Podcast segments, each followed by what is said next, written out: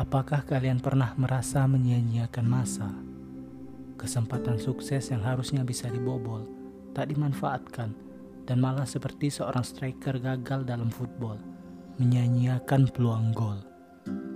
Pelatih marah, rekan tim pun merasakan kecewa, dan akhirnya kesebelasan musuh yang tertawa.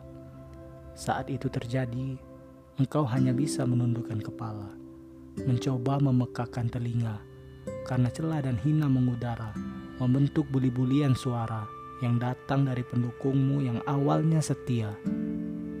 Begitu banyak hal sulit di awal dan akhir fluid yang ditiupkan oleh sang wasit. Bagaimana caranya untuk menyelesaikan tugas yang rumit dalam waktu yang hanya 2 kali 45 menit? Beban dan rasa sakit yang tak sedikit membuat ragamu enggan untuk bangkit Jujur saja, kita semua pasti benci kekalahan dan kesalahan, dan ingin memaksimalkan kesempatan yang telah diberikan. Maka dari itu, untuk episode kali ini, kita akan membicarakan tentang bagaimana waktu berkontribusi terhadap kesempatan yang kita temui. Silakan bereksperimen di dalam nalar dan biarkan imajinasimu tumbuh dan bertukar. Are you ready?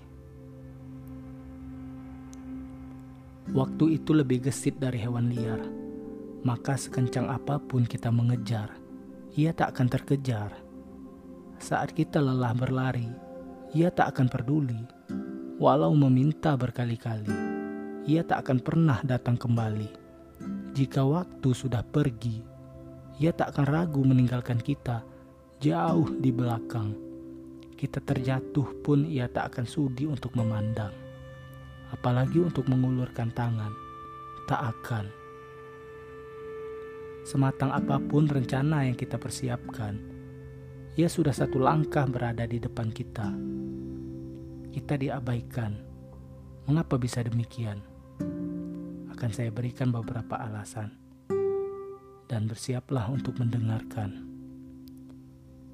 Kita salah besar jika ingin berpacu dengan sang waktu.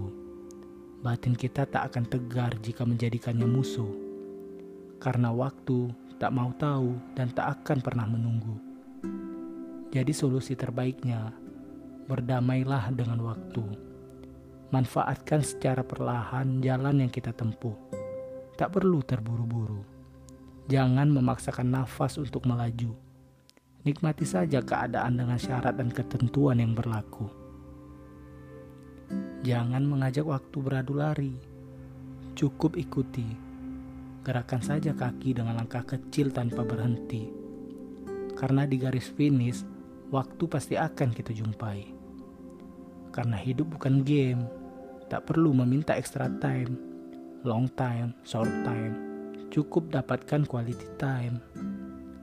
Dan jika suatu hari nanti waktu berbaik hati padamu, engkau akan mendapati kesempatan yang telah disiapkan waktu. Walau ia telah meninggalkanmu jauh, tapi pasti ada beberapa restunya yang terjatuh untuk kau pungut dan kau jadikan lembaran baru. Demi demi kebaikan hidupmu.